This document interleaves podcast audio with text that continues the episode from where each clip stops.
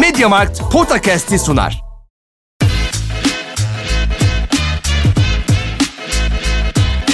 Potakast. Kaan Kural ve Orkun Çolakoğlu'yla NBA gündemine haftalık bir bakış.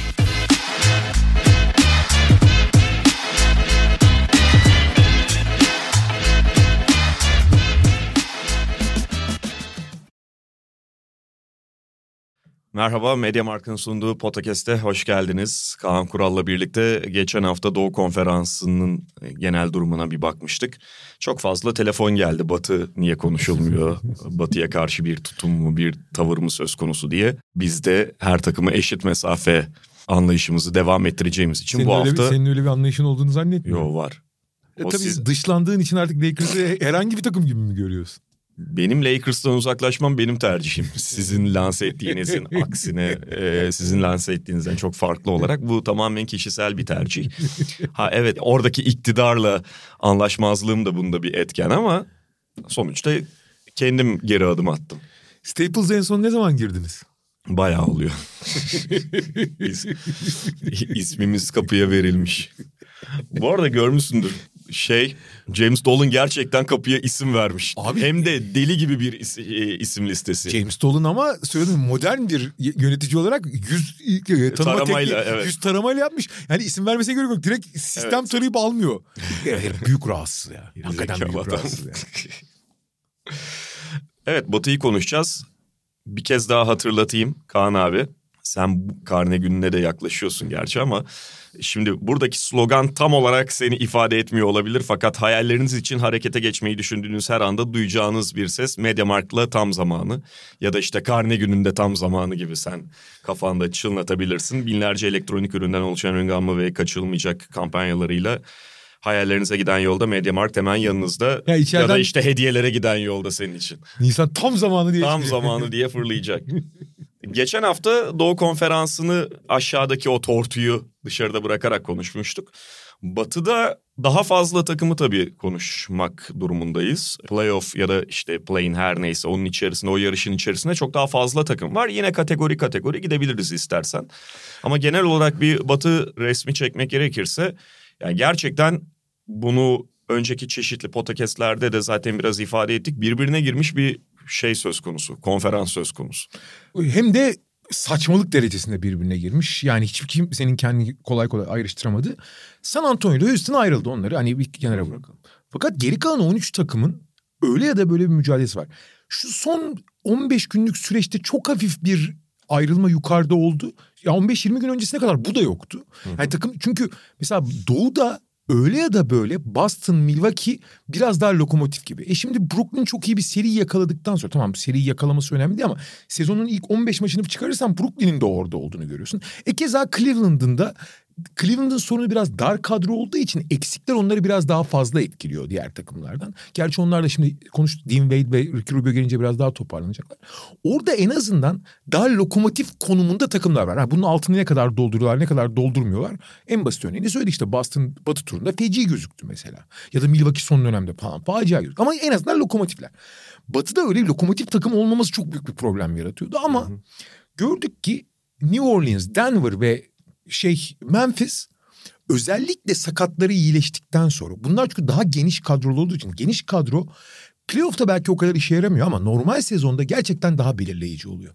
Ve bu takımlar da çok ciddi sakatlık problemleriyle boğuş- boğuşuyor. Mesela Morant oynuyor oynamıyor. Desmond Bain zaten sezonun %80'ini kaçırdı. Jaren Jackson sezona sakat başlamıştı. E diğer tarafta Zion Williamson, Brandon Ingram, Zion Williamson yok. Brandon Ingram oynadı mı hatırlamıyorum ben ne zaman oynadığını falan ki en önemli parçalardan bahsediyoruz. Yani detay parçalardan değil. Aynen. E Denver dersen Jamal Murray ile Michael Porter Jr.'ı entegre edeceğiz diye diye uğraşıyorlardı ama onlar bu yani 9-10 kişilik rotasyon kullanabildikleri için yani 9-10 tane kullanabilecekleri oyuncu olduğu için hatta New Orleans'da bu 12-13'e kadar çıkıyor.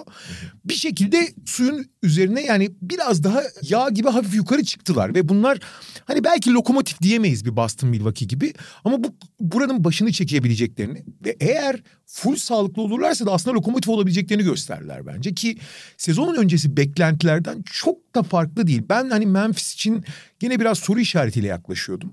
Ama geçen seneki çi- çizgiyi koruyabildiklerini hatta onun üzerine koyabildiklerini gösterdiler. Kayıplarına rağmen. Yani D'Anthony Melton ve Kyle Anderson kayıplarına rağmen. E New Orleans beklentilerimiz iyi olmaları yönündeydi ama bu kadar da belki de herhalde kimse beklemiyordu yani bu derece olmasını. Denver'dan ama ben Denver zaten Batı birincisi adayımdı yani. O takımlar biraz öne çıkıyor gibi. Yani bunlar arasında sadece şey yani diğerleriyle uzun uzun konuştuk. Ben sadece Memphis'le ilgili şeyi söylemek istiyorum. Memphis'te özellikle Jaren Jackson Jr. geldikten sonra Aha. ve son dönemde ligin en iyi savunması konumuna geldi. Evet. Yani Milwaukee'nin de düşmesinin payı var bunda. Abi şimdi Memphis'in özellikle savunmada bu seviye bir takım haline gelmesi çok özel bir durum. Çünkü bireysel olarak abi dört tane pozisyonda iyi savunmacısı var. Yani ideal beşten sonra. Şimdi Steven Adams evet belki çok hareketsiz falan ama Jaren Jackson Jr. ile beraber düşünmek lazım onları. Steven Adams gene işte e, sağlam bir şey gibi kaya gibi durup belli pozisyonları tamamen felç ediyor.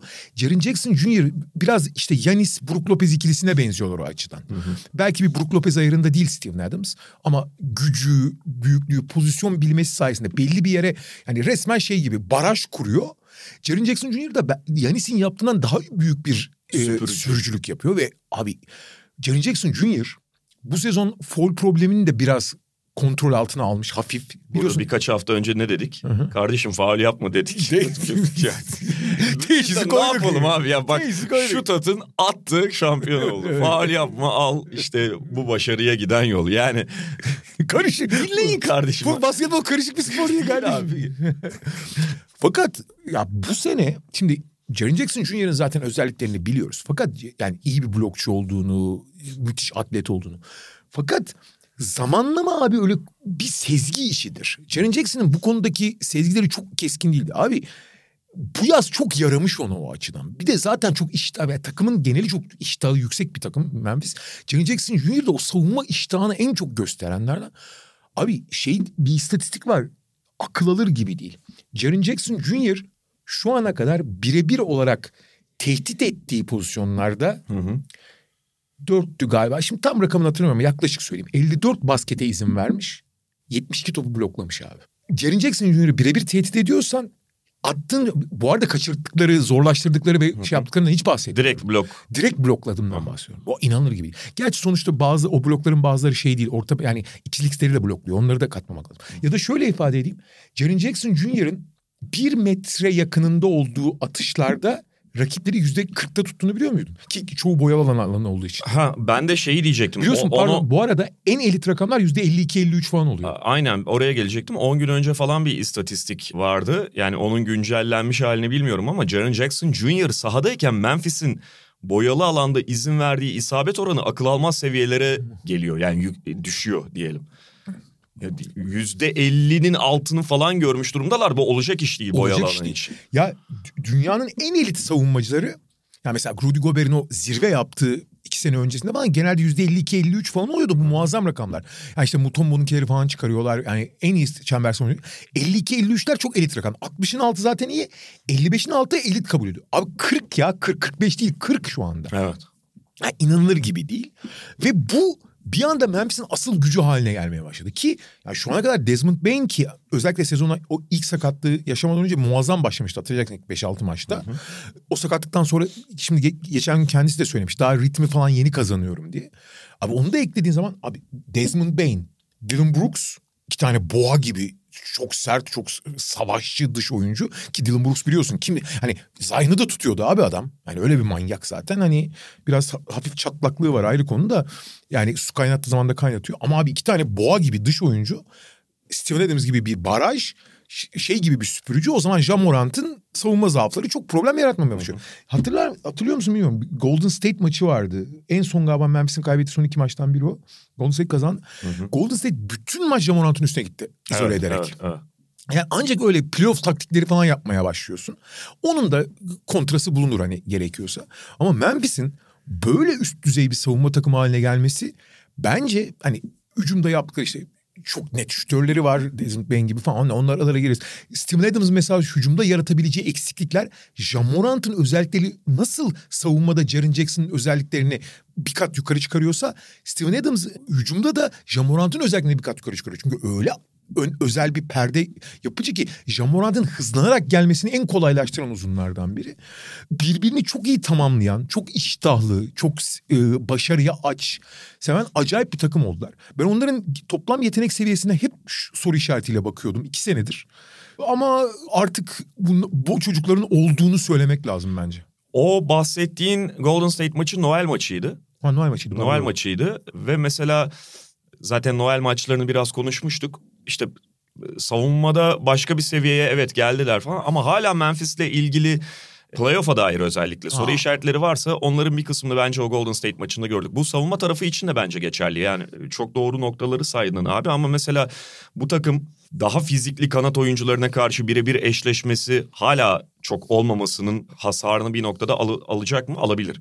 Steven Adams bu başarıda önemli pay sahibi olan Steven Adams yine playoff'ta bir noktada bir rakip tarafından dışarı doğru atılacak mı? Yani sahadan atılacak mı? Sahada kalamaz hale gelecek mi? Bu da olabilir. Bu da hala bir. Bu da olabilir ve abi o durumda şöyle bir şey oluyor.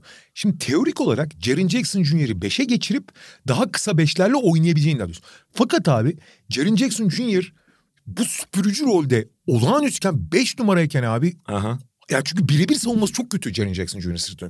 Orada abi yani bırak etkisinin düşmesine tamamen sıfırlanıyor etkisi. Yani öyle bir de bir problem de var. Yani Javier Tillman'la oynaman gerekiyor o zaman yani Steven Adams'la oynamayacaksan. İşte orada yani e, yanıtlar ne olacak ve o Golden State maçı şey açısından bence yine çarpıcıydı. O gün de konuşmuştuk. Yani bu takım playoff seviyesinde bir savunmaya karşı daha biraz böyle normal sezon şeyinin dışında daha hazırlıklı gelmiş bir savunmaya karşı yarı sahada hala çok zorlanabiliyor. Doğru. O gün sadece transition ve işte ofen- o hücum reboundu üzerinden bir şeyler üretebildiler. Bunlar hala Grizzlies için ciddi soru işaretleri. Yani evet biraz daha iyileştiklerini bu alanda ya da savunmanın daha iyiye gitmesiyle bunları belli ölçüde kapatır hale geldiklerini, daha kapatabilir hale geldiklerini görebiliriz. Sonuçta geçen sene de kötü bir playoff geçirmediler. Ama hala onların playoff'a dair, oyunun biraz daha değişeceği noktaya dair soru işaretleri var. Ona yüzde yüz katılıyorum ama yani sen böyle istekli ve birbirini tamamlayan bir savunmayı temeline koyduğun zaman yani temeli işte transition oynayan, iştahlardan beslenen işte özellikle belli şütörlerin ısınması ve Jamorant'ın yaratıcılığı üzerine kurmayıp biz ligin en iyi yani bir nevi bir Cleveland gibi ya da bir nevi bir Milwaukee gibi hani Milwaukee bence daha iyi bir örnek. Yani Milwaukee gibi bir harika savunmanın üzerine işte Yanis'in şeyi yıkıcılığı ve üçlükçüler diye yaparsan Yanis'in yerine Jamorant'ı koyup yerine derken ne demek istediğimi anlıyorsun yani. Tabii ki birbirinden çok ama işte mesela Boyalı'nın çok zorlayan oyuncular. Hani bir Milwaukee modeli yapmayı başarırsan o zaman hani Milwaukee nasıl işte duvara çarpıp çarpıp sektörde şampiyon oldu. Benzer bir gidişat var. Evet. Ben bu sezona kadar hatta bu sezonu bırak son 20 maça kadar hala yani Dylan Brooks benim için Dylan Brooks'tu Memphis. Yani bir sürü şey iyi yapıyor çok iştahlı çok şey. Fakat çok çabuk su kaynatmaya yatkın yarı sahada hiçbir zaman çok güvenemeyeceğim. Bir gün 20'de 2 atabilecek falan bir takımdı yani. Artı belli şeyleri hiç mesela Steven Adams örneğini söyledi yani Steven Adams için çok övdük ama abi sonuçta arkaik bir oyuncu yani. Hani 2023 basketbolunda Steven Adams yaptığı işi ne kadar mükemmel yaptığını anlatmaya çalıştık. Ama arkaik abi. Yani seni ya iki, e, söyledin abi bende 2023 model iPhone 14 var. Herif iPhone 11 ile mücadele ediyorsun. Tamam iPhone 11 de iyi de yani arkaik yani sonuç itibariyle. O yüzden hep bir şüpheyle yaklaşıyordum ama bu savunma kurgusunu ya da bu Milwaukee kurgusunu diyebiliriz belki de belli açılardan. Oraya gelmeye hazırlar. Ha bunu tabii zihinsel ve oyun olgunluğu ayrı bir konu. O biraz zamanla olacak bir şey. Peki Memphis'le başlamış olduk. Yani bugün itibariyle zaten Denver'ı ve Memphis'in dereceleri eşit 27-13'te. Denver'la da devam edelim. Evet, Denver'la ilgili ben açıkçası hani çok fazla bir şey söyleyebileceğimizi düşünmüyorum ya. Yani senin de söyleyeceğin çok şey olabilir ama abi oradaki şey çok belli çünkü ne oldu. Yani ve bunu ne kadar iyi yapabileceklerini göreceğiz. Bence çünkü bu sene değişen hemen hemen hiçbir şey yok. Aynen. Sadece şeyi söyleyebilirim.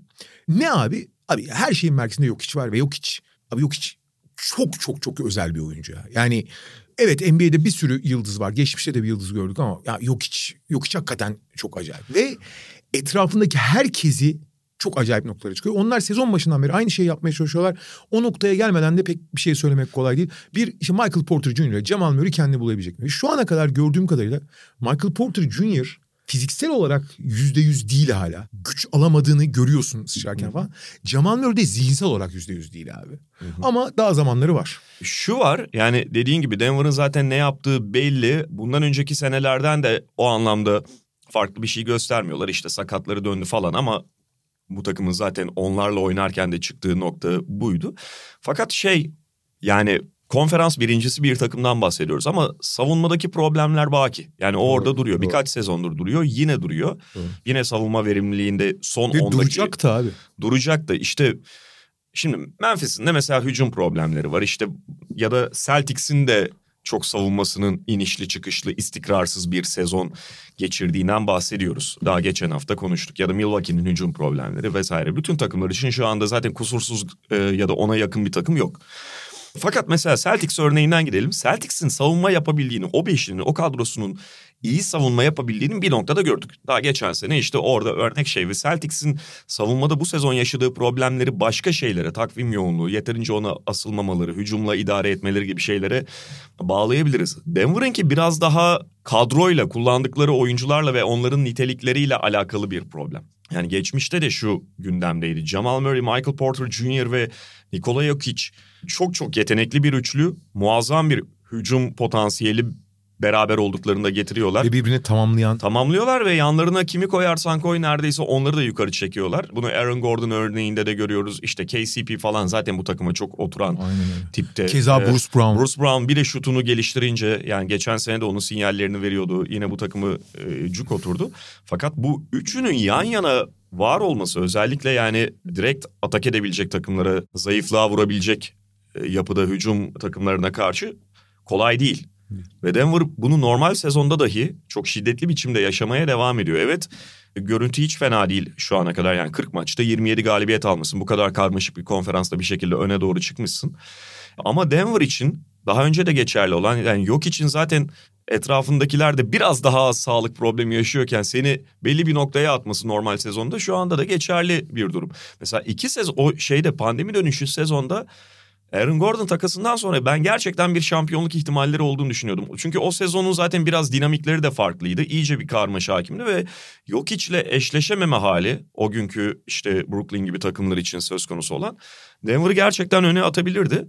Ha şimdi de bir ihtimal var ama bu savunmayı ne kadar daha yamayabilecekler, ne kadar hücumla kapatabilecekler, kaç tur bunu yapabilecekler? Bu da ciddi bir kaygı bence Denver için. Kesinlikle öyle ama Batı'da kusursuz takım olmadığı için herkes iştahlı. Denver'ın zaten bence artık o taraklarda bezi kalmadı abi.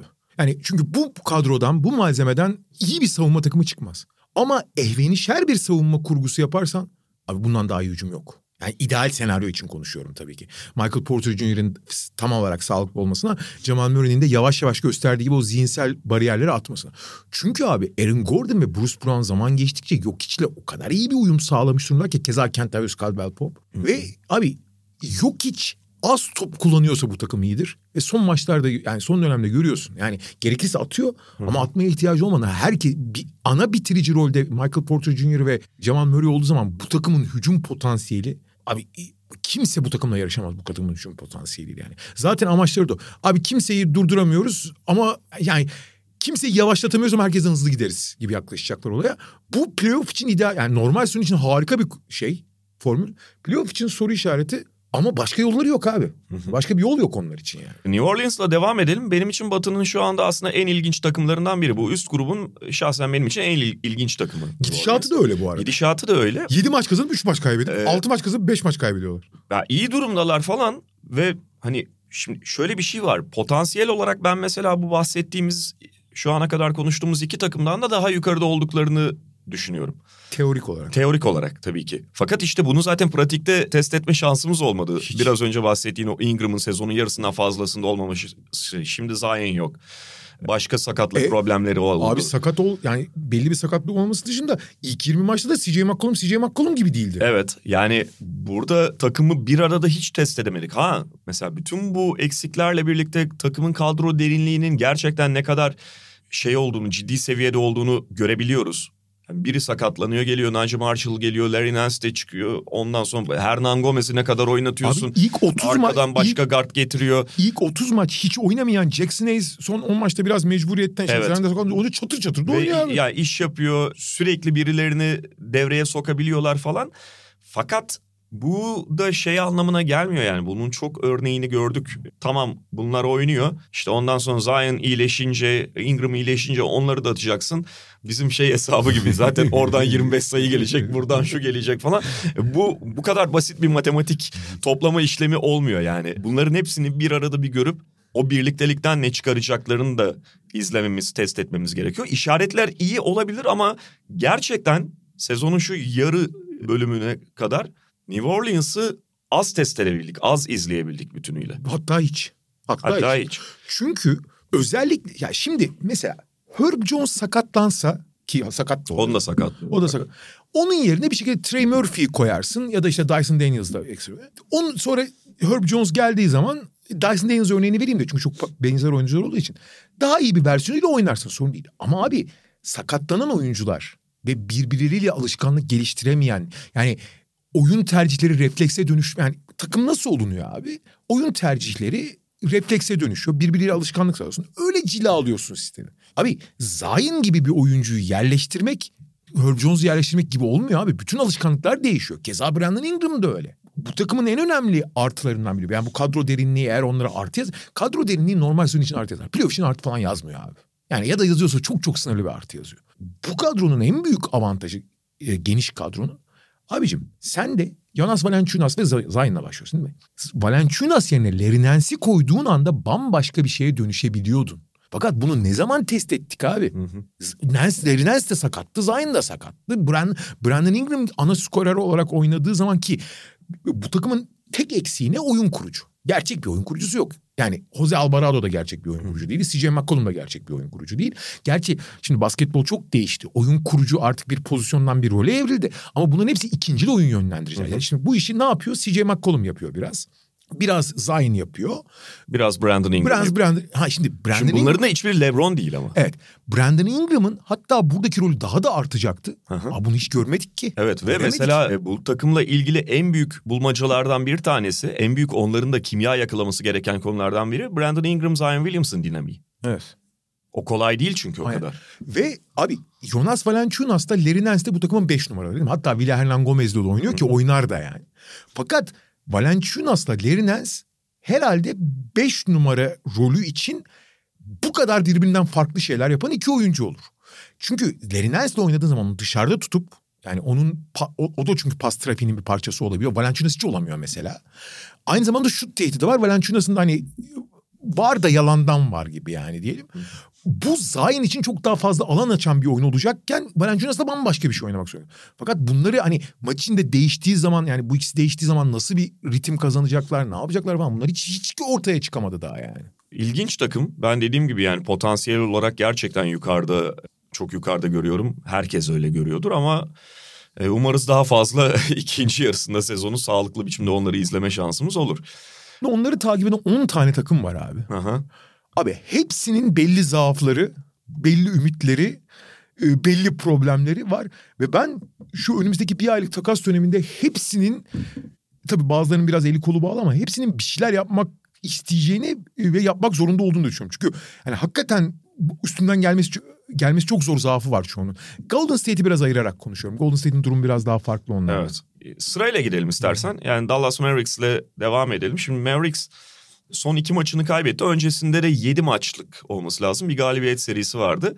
Ama çok yumuşak bir fikstürdü o 7 maçlık. Biz karşı. onu yayında seninle konuşmuştuk galiba. Yani öyle yedi maçlık galibiyet serisinin içine tükürürüm diye diyeceğin bir seriydi. Yani hiçbir şey oynamıyorlar saçma sapan işte arada aldıkları o şey New York maçı mıydı? O var dediğin gibi sakatlıklardan faydalandılar vesaire vesaire. Şimdi mesela geçen senenin de ilk yarısı ikinci yarısı çok kontrastlı şeyle e, Dallas açısından ama bu sene gerçekten ciddi problemler söz konusu. Ve mesela takas ihtimallerinden bahsettim bütün bu takımlar için. Mavericks'in şöyle bir problemi de var. Christian Wood'u ne yapacağız? Sorusunu soruyorlar kendilerine. Çünkü kontrat görüşmesi yapıyorlar. Wood'la bir ortak noktada en azından şu ana kadar buluşuyor, buluşamıyorlar gibi gözüküyor. Jason Kidd'in onu sevmediği biliniyor. Evet oyuncunun da zaten zaafları var vesaire ve hani kontratı bitince de elimiz boş kalsın başka bir yere gitmesi ihtimalinde elimiz boş kalsın da istemiyorlar tabii ki.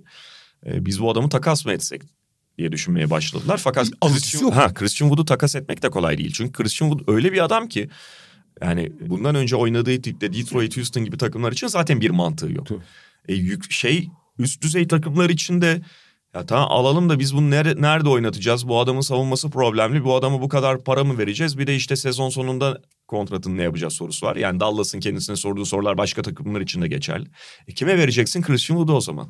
Ve Christian Wood'u teorik olarak olabileceği en iyi yerde zaten. Luka Doncic'ten daha iyi bir partner yok onun için neredeyse. Yani çok çok spesifik roller hariç. Ya da en azından büyük bir rol alacaksa.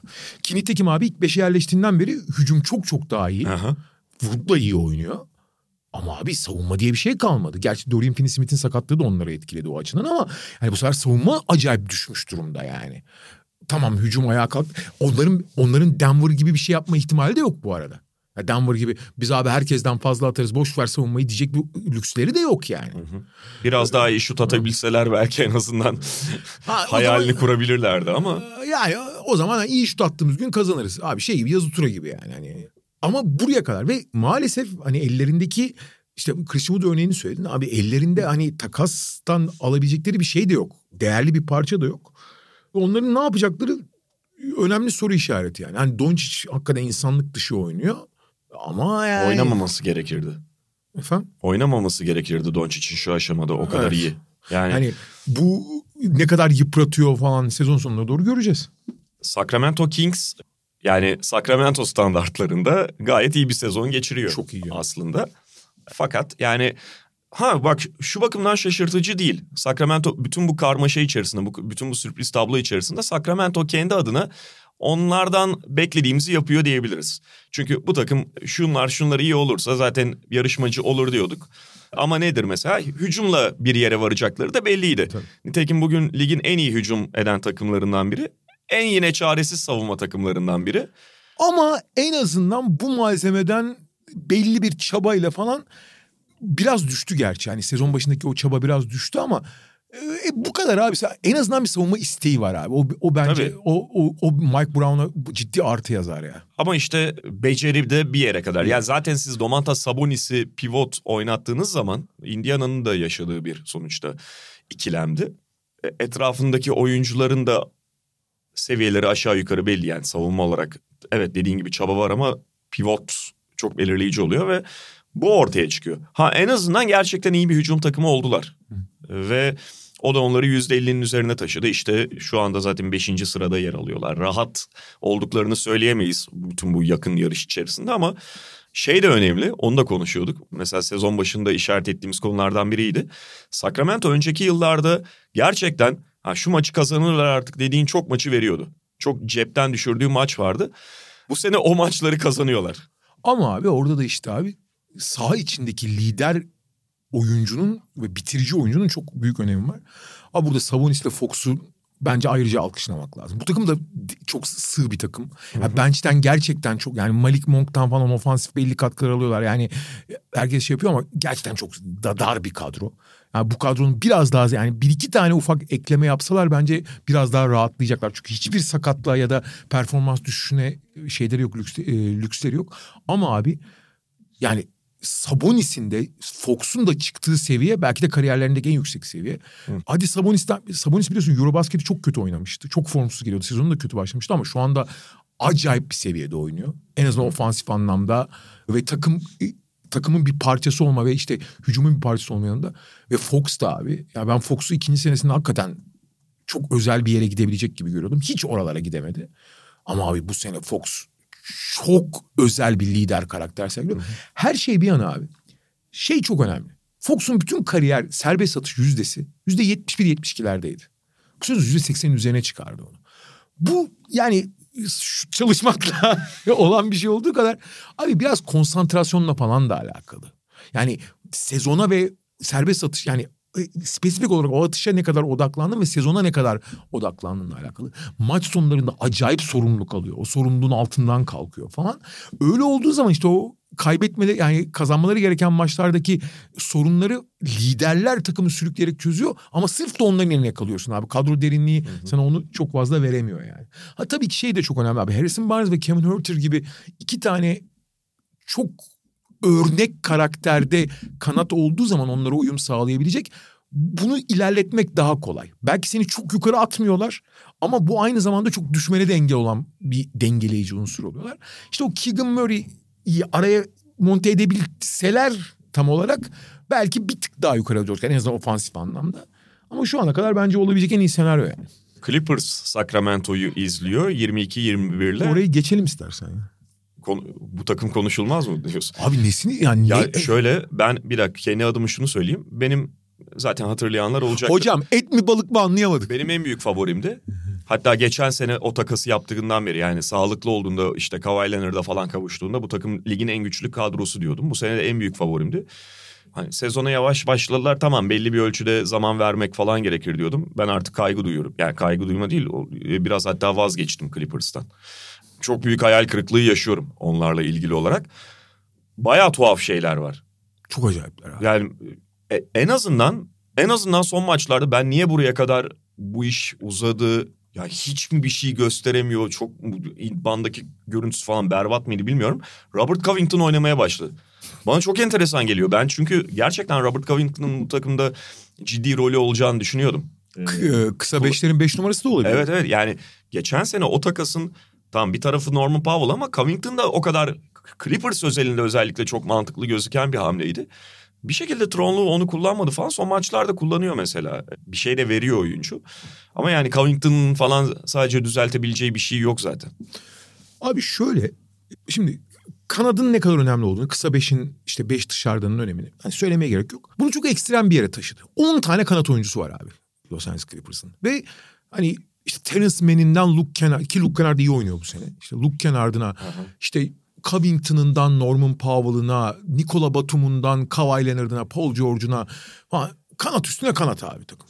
Fakat abi ki, yani sonuçta kanat dediğin rol için e, hadi üç bilemedin dört oyuncu oynatırsın. Abi sekiz oyuncuyu aynı anda oynatamıyorsun. Hangisini ne kadar oynatacaksın? Tronlu ile ilgili hep söyle, şey söyleniyor işte. En iyi maç içi ayarlamaları yapıyor. Hala anketlerde en iyi maç içi ayarlamaları yapıyor. İşte çok iyi geri dönüşlere imza atıyor. Serilerde de maçlarda. Kardeşim çünkü A planın be- belli değil yani. Maçında Aa, dur bir de şunu deneyim abi bu tuttu falan. Abi öyle şey olur mu ya?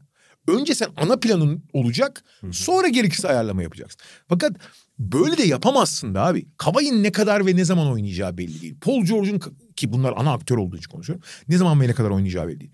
Hangi rakibe karşı Norman Powell'ı, hangi rakibe karşı Nikola Batum'u, hangi rakibe karşı Robert Covington'ı, hangi rakibe veya hangi duruma, skorun durumuna karşı Luke Kennard'ı ne kadar oynatacaksın? Terence Mann ne kadar oynayacak? Bu belli ki.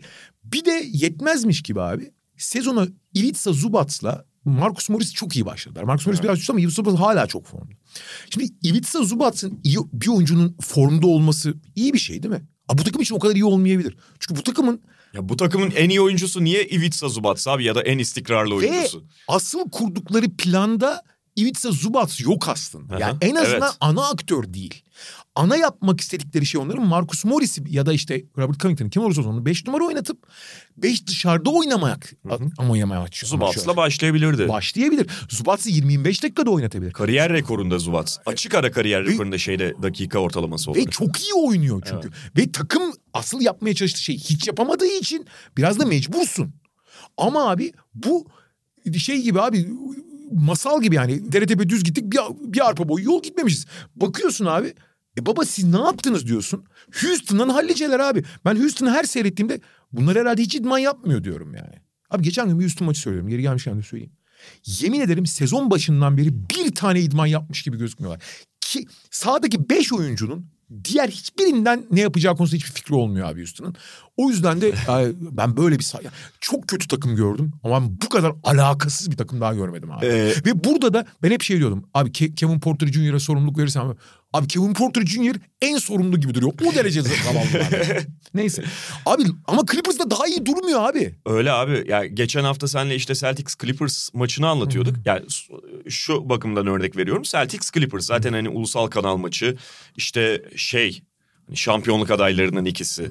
Sözde şampiyonluk adayı diyelim ya da bu saatten sonra onlardan ikisini karşı karşıya getiriyor falan. Hani orada bir ciddiyet beklersin. Bir tanesi kazanır ya da her gün çok iyi oynamayabilir ama ya Clippers'ın öyle bir hali vardı ki ben gerçekten sen tanık oldun sinirlendim abi maçı anlatırken maç içerisinde konuşuyoruz aramızda. Berbat bir maç oldu.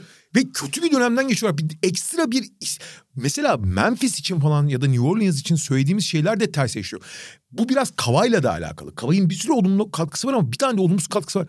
Abi Kavay'ın olduğu yerde olumlu bir atmosfer, bir iştah kazanmak imkansız. Onun o robot hali takıma da işliyor gibi. Abi ben iştah hiçbir zaman göremiyorsun. Abi iştah önemli bir şeydir abi sporda. Bu kadar iştahsız bir takım olur mu ya?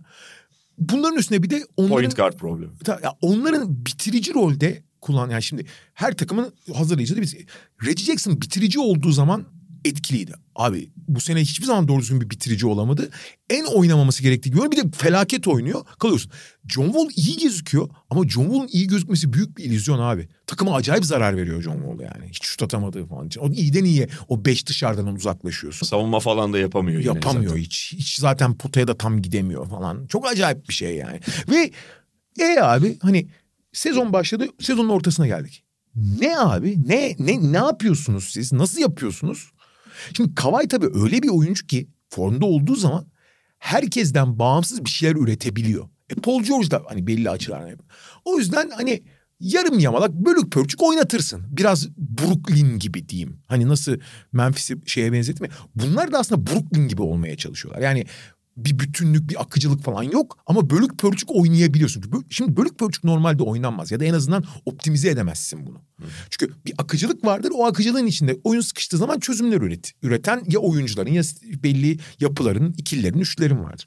Brooklyn bunun çok istisnai bir durumu. Yani alan paylaşımına da ihtiyaç duymuyorlar. Devamlılığa da ihtiyaç duymuyorlar.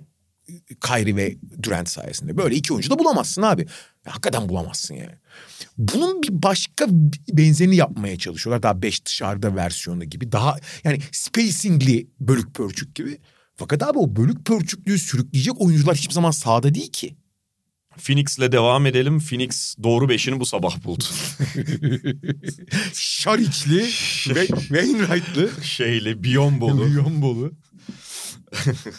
Landale'lar bilmem neler. Bu, bu ara- tarihi galibiyet geldi. ya sonuçta Phoenix'in biraz mazereti de var ama bir taraftan da onların geçen seneki kadro derinliğinin çok azaldığı zaten ortadaydı. Tabii sakatlıklarla bunu daha fazla, daha şiddetli şekilde hissediyorlar ya da yaşıyorlar. Ee, son 19 maçta 14 galibiyet yalnız. Yani dünkü galibiyete rağmen. 14 4 14 Mağlubiyet. mağlubiyet. 4 14'lerde 5 14 oldular. Evet. Ee, tabii şey var abi. Yani Ya Devin Booker zaten bir döndü bir daha gitti Aynen. o maçta. şöyle bir şey var abi. Bu geçen sene de problemdi. Ve bu konuda herhangi bir hamle yapmamış olmaları onların başlarını daha da beter yakacak. Başka problemler de var bu arada. İşte DeAndre Ayton'un temas sevmemesi, takımın o geçen seneki ivmeyi kaybettikten sonra oynanan nüfusu. Bence en önemlisi Chris Paul'ün artık hiç Chris Paul gibi gözükmemesi. Fakat yapısal olarak da şöyle bir şey var abi. Geçen sene böyleydi.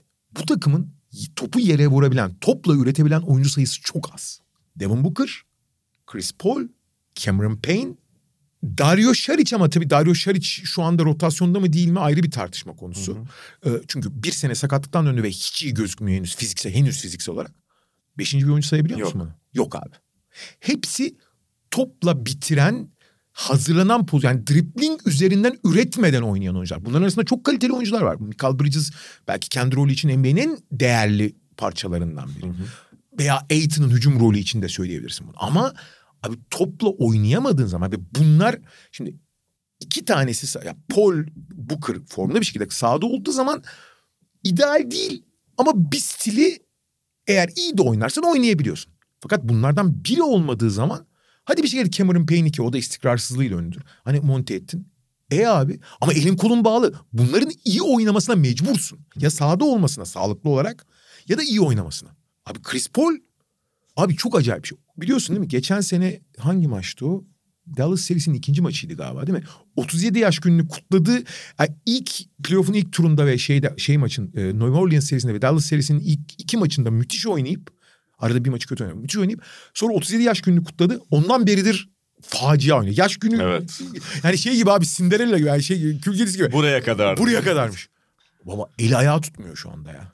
Yani el hayatını tutmuyor derken kendi standartları için konuşuyorum. Şimdi o öyle. E Cameron Payne sürekli sakatlanıyor falan. E, Devin Booker diyor. E, abi topu yere yani dribbling yapamıyorlar ya. ya ben hep söylüyordum. Yani sezon başı çok konuşuluyor çünkü. Bu takımın Deniz Schroeder'i almamış olması veya Deniz Schroeder profilini benim. Deniz Schroeder şeyden konuşuluyordu. Onlar Oklahoma City'de çok iyi bir ikiliydiler ya Chris Paul'le. O yüzden konuşuluyordu. Minimum alacak.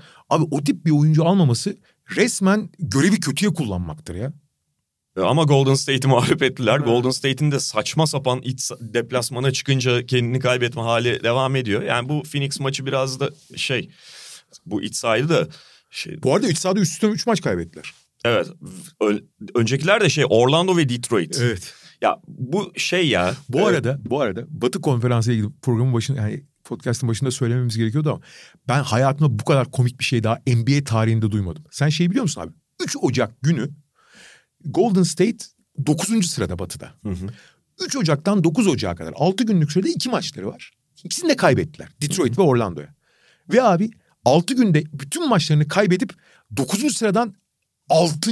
3 basamak yukarı çıktılar abi. Bütün maçları kaybedip 1 2 değil 3 basamak yukarı çıkıyor. Çünkü diğerlerin hepsi daha fazla kaybetti. Çok acayip yani. Ve işte yani Det şimdi Detroit Orlando evinde şu Phoenix Şu Phoenix Detroit'le Orlando'dan daha bu kötü. tamamen maça yaklaşımla açıklanabilecek Yalnız bir şey. Şu. Phoenix'i biraz ayırmak lazım. Phoenix maçında çünkü Andrew Wiggins ve Stephen Curry oynadı. Oraya gelecektim. Bu maça yaklaşım biraz da tabii yani Wiggins, e, Stephen Curry bunlar tabii ki sana geldiklerinde katkı sağlayacak, seni yukarı çekecek. Senin yani ana parçan olan oyuncular. Fakat ilk anda bir böyle adaptasyon probleminde yaratabiliyor. Ve hani bu sezonki genel görüntünün çok istikrarsız olduğu işte deplasmanda felaket durumda oldukları zaten 3 galibiyet alabildiler sezonun yarısı boyunca deplasmanlarda falan. Bunlar ortada. Ama bence son dönemde Golden State'te yine de olumlu bir şey var. Kendi içlerinde sakatlıklar da buna olanak sağladı. Belli bazı çözümleri bulmaya başlar. Yani. Golden State'in geçen seneki derinliğini kaybetmiş olması onlar için ciddi bir problemdi.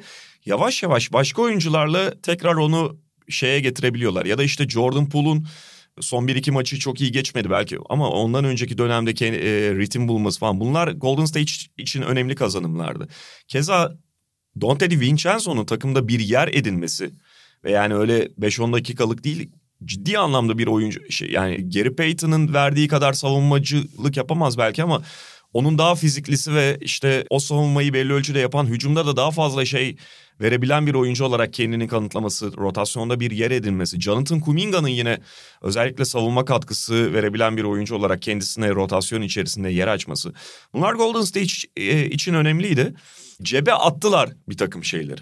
Attılar da abi önce pantolonu bir giysinler. Sonra cebe atılanları şey yapıyor. Pantolon yok yani üstlerine. Çok acayip acayip mağlubiyetler alıyorlar abi. Hı. Tabii şey var yani nasıl ya başarı kazan nasıl kazanacağını bilen bir takım olduğun zaman işler biraz daha kolay. Tabii insanlar geçen sene unutuyorlar abi şampiyon için Golden State'i. Golden State hatırlayacaksın abi sezona harika başladıktan sonra korkunç geçmişti son iki buçuk ay. Hı hı. Yani yüzde elli galibiyet yani bir kaçıp bir, bir kazanıp bir kaybediyorlar. Stephen Curry yaklaşık iki buçuk ay çok kötü tutarmış sonra da sakatlanmıştı zaten. O yüzden bence Golden State ile ilgili senin söylediğin şey konu çok önemli. İşte Dante DiVincenzo'nun daha bir ana role evrilmesi. Kuminga sakatlanana kadar daha biraz Draymond'un alternatifi ya da yardımcısı gibi bir rolde fena bir iş yapmamaya başlamıştı. E roller, pool konusu çok önemli. Pool korkunç bir sezon geçirirken Curry'nin rolüne geçince en azından hücum anlamında bir özgüven tazelemişti falan. Yani şey gibi... Hatta Ha- Clay Thompson'ın kendini bulması o dönemde. Clay Thompson gerçekten buldu bu arada. Evet. Şey yani sonuçta hazırlık döneminin devamı gibiydi. Ve bir şekilde hani 6. 7. 8. oralarda gittikleri sürece çok da problem yok. Yani çünkü onlar sana neyi ne zaman nasıl yapacaklarını biliyorlar. Fakat abi şimdi yani bu kadar ritimsizlik de olmaz. Yani böyle bir günde de bu işler şey olmuyor tamam mı? Özellikle Golden State gibi akıcılıktan anormal beslenen bir takım için belli şeyleri de cilalamak lazım yani. Yani Brooklyn veya işte Clippers örneğinde cilaya ne kadar ihtiyaç duymayan, akıcılığa ne kadar ihtiyaç duymayan skalanın bu tarafındaysa Golden State de diğer tarafında abi. Hı hı. Onlar oyuncuların birbirini anlaması, birbir yani alan sahadaki yerleşim, hareket paternleri ve bunlardan be- beslenmek onları refleks haline en çok getirmesi gereken takım Golden State. Nasıl Brooklyn hiç getirmesine gerek olmuyorsa. Ve daha sezonun yarısındayız. Şu 40 tane maç var. Her, şey olur. Ama bir bence o, gene çok kötü değil yani bu geldikleri yer. Zamanları var ama buna da artık bir yerde başlamaları lazım. Şimdi Curry döndü önümüzdeki 10-15 maçta göreceğiz. Üç tane çok acayip mağlubiyet aldılar yalnız. Yani Detroit, Orlando ve hani belki de en kötüsü yani bu Phoenix'e e, iç sahada yeniliyorsun abi. Herkes şey diyordu bu 7 maç mı 8 maç üst üste iç saha şey burada işte gemiyi şey yaparlar yüzdürürlerdi. Tam tersi abi daha fazla su alıyor gibi gözüküyor. E, savunma inanılmaz düşmüş durumda. Hı hı. Çünkü Golden State her zaman iyi bir savunma takımıdır. Şampiyon olduğu senelerde. Abi sezon başında deli gibi foul yapıyorlar. Şimdi kimsenin önünde kalamıyor kimse. Yani kimse ya Draymond Green hariç rakibin önünde kalabilen oyuncu yok ya. Belli pasajlarda gösterebiliyorlar o savunmayı yani. Ama gene de buradaki takımlar arasında en hani şeyi belli, ne yapacağı belli. Açıkçası bu seneki en azından personel ayarlamalarını bir miktar yapabilmiş şey gözüküyorlar. Daha iyiye gidecekler gibi gözüküyor. Minnesota gördüğüm en tuhaf sezonlardan birini geçiriyor. Yani tartışmaların da e, ötesinde şey çizgisiyle. Bunu birkaç sezon önce Charlotte yapmıştı. Yani dört maç kaybedip dört maç kazanıyor. Üç maç, beş maç kaybedip yine üç maç kazanıyor falan. Sürekli böyle çizgilerle oynuyorlar. Ve nasıl kazanıyor? Yani hangi oyuncularla kazanıyor falan. Mesela Rudy Gobert size arka arkaya iki maç kazandı biliyorsun. Aha. Sonra Rudy Gobert'si daha iyiydi. Sonra dört maç kaybeder. Rudy Gobert'in döndüğü maç muazzam oynadı falan. Bu arada Rudy Gobert büyük ayak kırıklığı. Yani sadece Kesin. sadece şeyden değil. Hani onun karşında verdikleri dünyaları vermiş olmaları değil. Rudy Gobert geçen seneki Rudy Gobert gibi bir değil. Gerçi son dönemde biraz daha iyi oynuyor. Fakat şu son üstte dört maç kazandılar ki çok kaliteli maçlar kazandılar. Yani öyle e, yalan bir tur değildi bu. Denver'ın son Houston yedi- dışında. Houston dışında. Abi Denver'ın son 7 maçtaki tek mağlubiyeti o maç mesela falan. Bu 4 maç yalnız sezonu kurtarmış olabilir onlar. Çünkü yani bu 4 maçta kötü gitseydi sezon gidiyordu yani. Zaten takım içinde ciddi bir uyumsuzluk sorunu olduğu da belli. Şimdi şey de önemli yalnız işte Kyle Anderson'ı daha aktif bir role, daha karar verici bir role yerleştirdikleri zaman biraz daha iyi kararlar verilmeye başlandı. Çünkü D'Angelo Russell da ana karar verici olarak iyi olmuyor. O D'Angelo Russell'a da yaradı. Bir de eleştirilerin odağında olduğu için D'Angelo Russell bence o da biraz kendi toparladı. Torin Prince döndü. Torun Prince'in dönmesi özellikle o rol için çok önemli falan. Biraz daha en azından fırtına geçmiş gibi duruyor. Carl Anthony Towns henüz dönmemiş olsa bile. O yani saha dışı problemlerin ve takım içi uyumsuzluğun ve rahatsızlığın en azından hani teknik sorunları hala sürüyor. Yapısal sorunları. Ama bir Gober'in biraz daha kendine gelmesi ve bu hani e, psikolojik ve e, soyunma odası sorunlarının atlatılması en azından işin basketbol sahasına dönmesine yol açtı. O açılardan iyi bence. Utah 21-23 tabii onların harika başlangıçtan sonra son dönemde kaybettikleri maçlar çok daha fazlaydı. Ciddi anlamda oranları düşüşe geçti. İşte son maçı bu sabah kazandılar ama şey Son maçı bu akşam... %50'nin altındalar şu anda. Ya, ama kazandıkları maçta şeyin sağ olsun e, Karis LeVert'ün acayip bir hediyesi yani. Şey ya tabii genel tablo hani Danny Ainge çok şükür mü dedirtiyor ya da o başlangıçtan sonra başka şeyler hayal etmeye başlamışlar mıydı bilmiyoruz ama bu takım hakikaten yani düşünüldüğü kadar kötü değil diyorduk ama herkesin düşündüğünden de kaliteli bir kadro olduğunu gösterdi bugüne kadar. E tabii abi yani sonuçta ne olursa olsun herkes özellikle Eurobasketten sonra bir çıkış beklese de kimse Mark Kanen'in yani o All Star seviyesi yani yeni, yeni jenerasyon yani Finn, Finn Nowitzki olmasını da beklemiyordu yani. yani. Adam resmen Nowitzki yani yeni Nowitzki gibi oynuyor yani. Helal olsun ayrı konu. Artı Will Hardy'nin işte e, Kelly Olynyk'le işte dışa, beş dışarıda oynayan sistemleri iyi kullanabiliyor olması. e, Mike Conley'nin bu takıma gerçekten çekip... Çünkü bu tip takımlar abi yani bütün oyuncuların eskisinden daha yüksek role çıktığı bir takımda bir tane çekip çevirebilen oyuncu çok önemli. Mike Conley'nin hatırlarsan Mike Conley'nin sakat olduğu bölümde çok bocaladılar Evet. zaten. Mike Conley bu takımın belki de şu anda en iyi altıncı oyuncusu. Ama abi en önemli oyuncusu. Takımı çekip çeviriyor. Beni en çok şaşırtan da şey oldu zaten. Jordan Clarkson'ın böyle bir role evliliği. Yani bir Jordan Clarkson hayatı boyunca özellikle e, kariyerin ikinci yarısında yani abi eline geleni potaya atmak özgürlüğü olan ve öyle oynayamıyor. Abi şimdi çok asist rakamı ka- inanılır gibi değil. Dört, dört küsur asist yapıyordu en son yani. Ve hani onun bir parçası oldu. Çok güzel de bir hava yakaladılar ama abi bu takımın iyi yani ortalama savunma yapmasına bile imkan yok. O biliniyordu zaten. Yapamıyorlardı da zaten. E şimdi hücumda biraz... Kessler'ın buna bir isyanı var ama. Ha, var var ama mesela şimdi herkes şeyi kıyaslıyor ya Kessler'la Gober'i. Gober, evet, evet. Abi sonuçta Kessler şu anda değil ama iki sene sonra daha iyi olacak falan filan diye. Sadece Kessler yani takasta sadece Kessler bile yeter falan diye. Daha ucuz daha ucuz daha gencini buldular falan Evet, diye. evet. Yani Minnesota hiç şey yapmayıp Kessler'ı alsaydı Tabii, falan gibi e, de yorumlanıyor. Aynen. Ama şey ben açıkçası deneyicinin buna çok kısa sürede müdahale edeceğini düşünüyorum. Yani e, gerek yok abi bu sene zorlamalarına.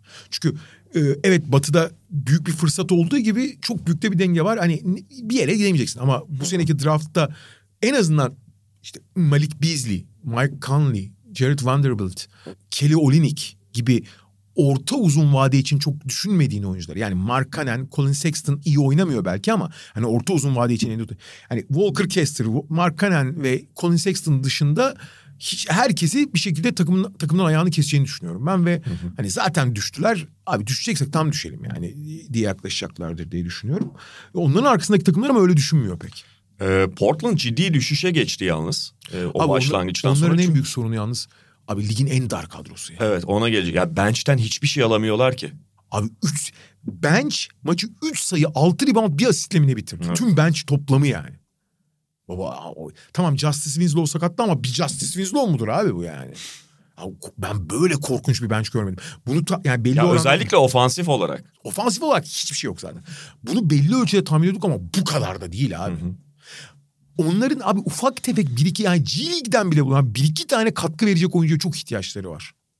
Yoksa bence onların ana formülü aslında hiç fena değil. Yani fakat bu kadar yani bu kadar alternatifsiz olunmaz abi normal sezonda. Öyle öyle. Yani ilk beş fena değil gerçekten. Beklentilerin üzerine çıktı hatta Jeremy Grant'ın muhteşem şut atmasıyla falan Simons'ın gelişiminin devam etmesi. Artı Lillard Simons öyle büyük şut tehditleri ki otomatikman hücumu çok daha geniş bir alanda ve çok yüksek tekle ve çok patlayıcı hale getirebiliyorlar. Onun etrafında takım kurmak da kolay oluyor. Bu Josh Hart'ın hücumda çok daha kısıtlı bir rolde olmasını çok rahat kaldırabiliyorsun falan. Yani bu uyumlu bir beş oldu Evet. aslında.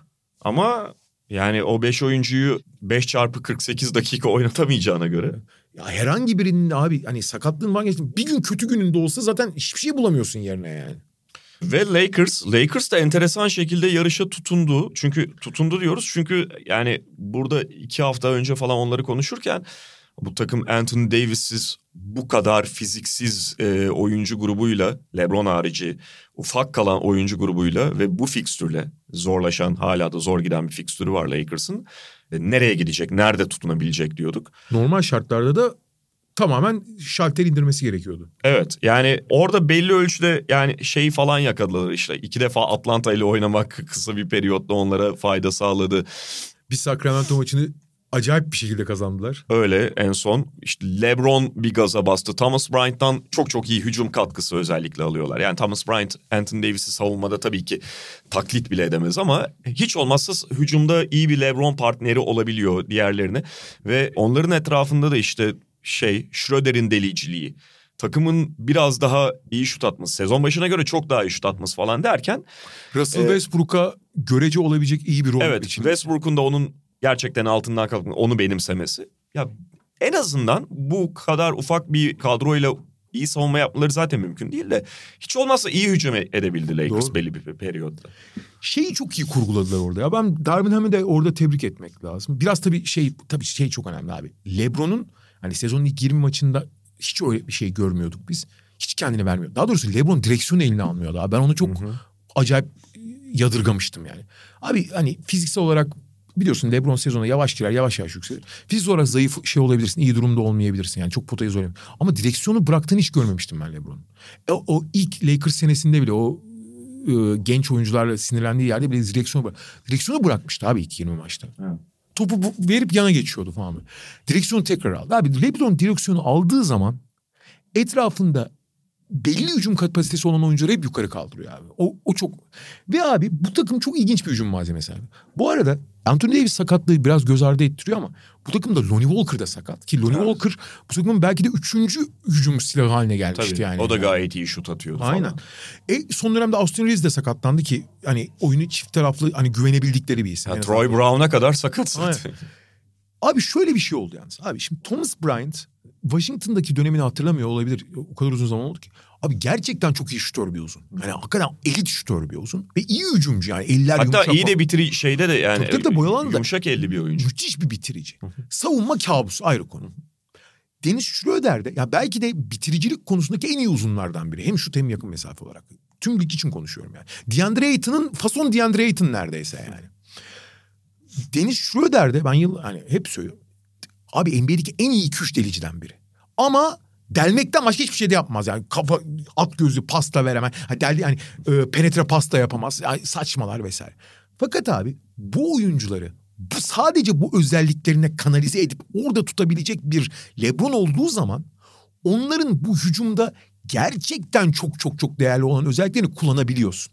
Ve LeBron onları kullandığı sürece de Keza LeBron olmadığı zaman Westbrook da biraz bunu yapabiliyor. Westbrook da hı- takımı hızlandırıyor mesela hızlı çıkmasına. Bir anda abi Lakers gerçekten iyi hücum ederek maç kazanabileceğini görüyor. Çünkü savunma yapma ihtimali yok bu takımın. İhtimal bile yok yani. Davis olmadan ihtimal. Abi Davis'in yanında bir de sırf Davis de değil abi. Biraz aklı başında bir iki adam lazım. Yani Austin Reeves falan orada artı değer katıyor maalesef. Yani Austin Reeves'e düşüyorsun yani. Lonnie Walker falan da olmadı ama LeBron Davis'in yanında biraz daha hani en azından pozisyon bilgisiyle falan bir şey yapıyor. Şu anda hiç savunmayla falan alakaları yok. Yapmıyor, yapamıyorlar da zaten. Ama daha iyi hücum ederek kazanmaya çalışıyor. Abi eldeki tek formu ve bunda da başarılı oldular abi. Evet. Yani iki kere Atlanta falan diyorsun abi hiç kolay galibiyetler değil onlar. Bakma sen yani. Ve Anthony Davis'in de dönme ihtimali belirdi. Evet. Tekrar, yani e, hatta işte iki hafta içerisinde falan aşağı yukarı dönebileceği söyleniyor. Ondan sonra nasıl buna reaksiyon vereceği sahada tekrar bir sakatlık problemi, ayağıyla ilgili problem yaşayıp yaşamayacağını göreceğiz. Ama ilk sakatlandığında daha uzun sürebilecek ve Lakers için daha korkulu bir ihtimal e, senaryo e, varken e, dönüyor gibi Anthony Davis de ona da kavuşuyor gibi. Ve bu 5 maçlık galibiyet serisi sonrası bir de herkes hiç kimse öne çıkamadığı için abi Lakers için hani üç kere bitti denen sezonun hatta hiç bitmediği ve batıda hiçbir takım çok böyle korkutucu olmadığı için Lakers'ın takas dönemine yaklaşırken tekrar çok iştahlı bir hamle yapma ihtimali tekrar artmış durumda şu anda. Öyle. Ve Oklahoma City Thunder onlar da herhalde bu tablo bu yarış içerisinde en sürpriz takım. Yani Utah'ı bekliyorduk belli ölçüde de Oklahoma City Thunder şaşırtıcı. Gerçekten şimdi tamam Shea Gilgeous Alexander'ın oyuncu olarak gelişimi e, bayağı bir star olması falan evet yatsınamaz ama yine de bu kadronun bir kadroyu da bütün olarak değerlendirmek lazım. 18 galibiyet toplamış olması büyük bir iş. Büyük iş ama ne kadar onların orta uzun vadeli hedefleriyle paralel o da ayrı bir tartışma konusu. Kesin. Yani bir taraftan da o var. Çünkü yani ne olursa Bunlar olsun... hakikaten genel menajerin canını sıkar. Bir de abi ne olursa olsun öyle ya da böyle play'ine bir şekilde atsalar bile playoff'a girmeleri çok zor yani. Evet. Ve e, fakat diğer taraftan da bu drafttan iyi bir seçim yani son tankingin son sezon olarak bu drafttan iyi bir şey almalarını da zorlaştırıyor. Ya rekabetçi olmalarını her zaman alkışlarsın ama bir yere varmayacaklar onu demeye çalışıyorum. Ya mesela e, Utah için belki daha olumlu bir tablo konuşuyor. Yani Oklahoma City e, ne uzalıyor ne kısalıyor anlatabiliyor muyum? Öyle bir durumdalar. Ve şu da bir işaret zaten. Şimdi hani ya bu tanking bakışı da e, insanları zehirledi kardeşim. Genç bir takım işte galibiyet alıyor falan gibi de e, değerlendirenler olabilir ki burada gerçekten takdiri hak eden bir taraf da var ya da belli tabii. oyuncular tabii ki gelişim gösteriyor ama esasında orada uzayıp kısalmama durumuna dair bir işaret senin söylediğin o uzayıp kısalmamaya dair bir işaret Mark Dagnon'un sürekli beşli falan değişiklik yapması ve sürekli başka oyuncuları yani rotasyona alıp çıkarması. Orada bir şeyler farklı üçüncü, dördüncü, beşinci oyuncular aramaya devam ediyor Thunder. Onunla ilgili tamam Shea Gilgeous Alexander'ın, Josh Giddey'nin falan oradaki yerleri belli de çoğu oyuncu da yani yarın gitseler Oklahoma City Thunder'ın fark edeceği, kimsenin fark edeceği ya da rahatsız olacağı oyuncular, oyuncular değil. Şu anda üçüncü isim yazacak olsan Jalen Williams yazarsın. Evet, evet. Çaylak oyuncu. Ki o da ilk 20 maç falan çok bir şey oynamamış. Tabii yani Chet Holmgren tabii dışarıda Oynamadı. onu saymıyoruz. Ama bu kadro bu sene aktüel oynayan kadro içerisinde öyle oyuncular yok aslında çok Tabii. fazla. Aaron Wiggins, Trey Mann hangisi ne zaman oynayacak? Mesela bir de biliyorsun ligin en küçük takımı. Hı hı. Abi Jeremy Robinson Earl 5 numara oynadı. Sakat yani yaklaşık bir, bir aydır. Abi 5 numaranın kim oynadı? Yani işte Mike Muscala'yı son dönemde biraz oynatmak zorunda kalıyorlar. O kadar küçüldüler ki artık. Ama abi ne 5 numaraları belli, ne şey yaptıkları belli. Ee, ben mesela Josh Giddey konusunda da çok olumsuz düşünenlerdenim. Ee, Josh Giddey, e, Shai Alexander'ın yanına olması gerek en uyumsuz oyuncu. Ki ben Josh Giddey'nin aslında hani sahada göründüğünden daha büyük zarar verdiğini düşünüyorum. Yani e, yararından çok zarar olduğunu düşünüyorum. Belli öz şeyler anlıyor. Çünkü yani tek bir tehdidi var. Yani pas dışında çok az tehdidi var yani. Neyse belki daha da geliştirir ona bir şey diyemem. Ee, ama e, yani şey değil. Chet Holmgren biliyorsun abi sezon başında sakatlandığı zaman bütün sezon açıklandı ama onun sakatlığı aslında 4 aylık bir sakatlıktı. Yani onlar direkt sezon bu sezonu kapattık diye açıkladılar. Kapattın kapattın yapıyorlar. Abi Chet Holmgren dönüp oynayacaksa bence bir sorun yok yani. Hani sonuna kadar hani gerçekten oynamayı düşünüyorlarsa oynasınlar. Ama yarım yamalak iş yapılmaz abi. Ya sonuna kadar rekabetçi ol ya da olma. Çünkü arada kaldığın zaman ben şöyle yani takımın elinden geleni yapmasına hiçbir şey diye, demiyoruz. Ki zaten sahadaki takım bunu yapmaz ama takımı yöneten isimler bir şeye karar vermek zorundalar. Özellikle bir noktada. En az mesela Utah şu ana kadar mücadeleci olmaya karar verdi. Bir noktada abi bir karar vereceksin. Nereye gidiyorsun yani? Peki e, dediğimiz gibi San Antonio ve Houston'ı kendi hallerine bırakıyoruz zaten. Bu Houston'ı zaten Houston'ı kendi koçu da bırakmış anladığım kadarıyla. Ve bu haftalık sonuna geliyoruz Podcast'in. Batı konferansını konuştuk. Mediamarkt'ın sunduğu Podcast'te haftaya tekrar görüşmek üzere. Hoşçakalın. Hoşçakalın. Mediamarkt Podcast'i sundu.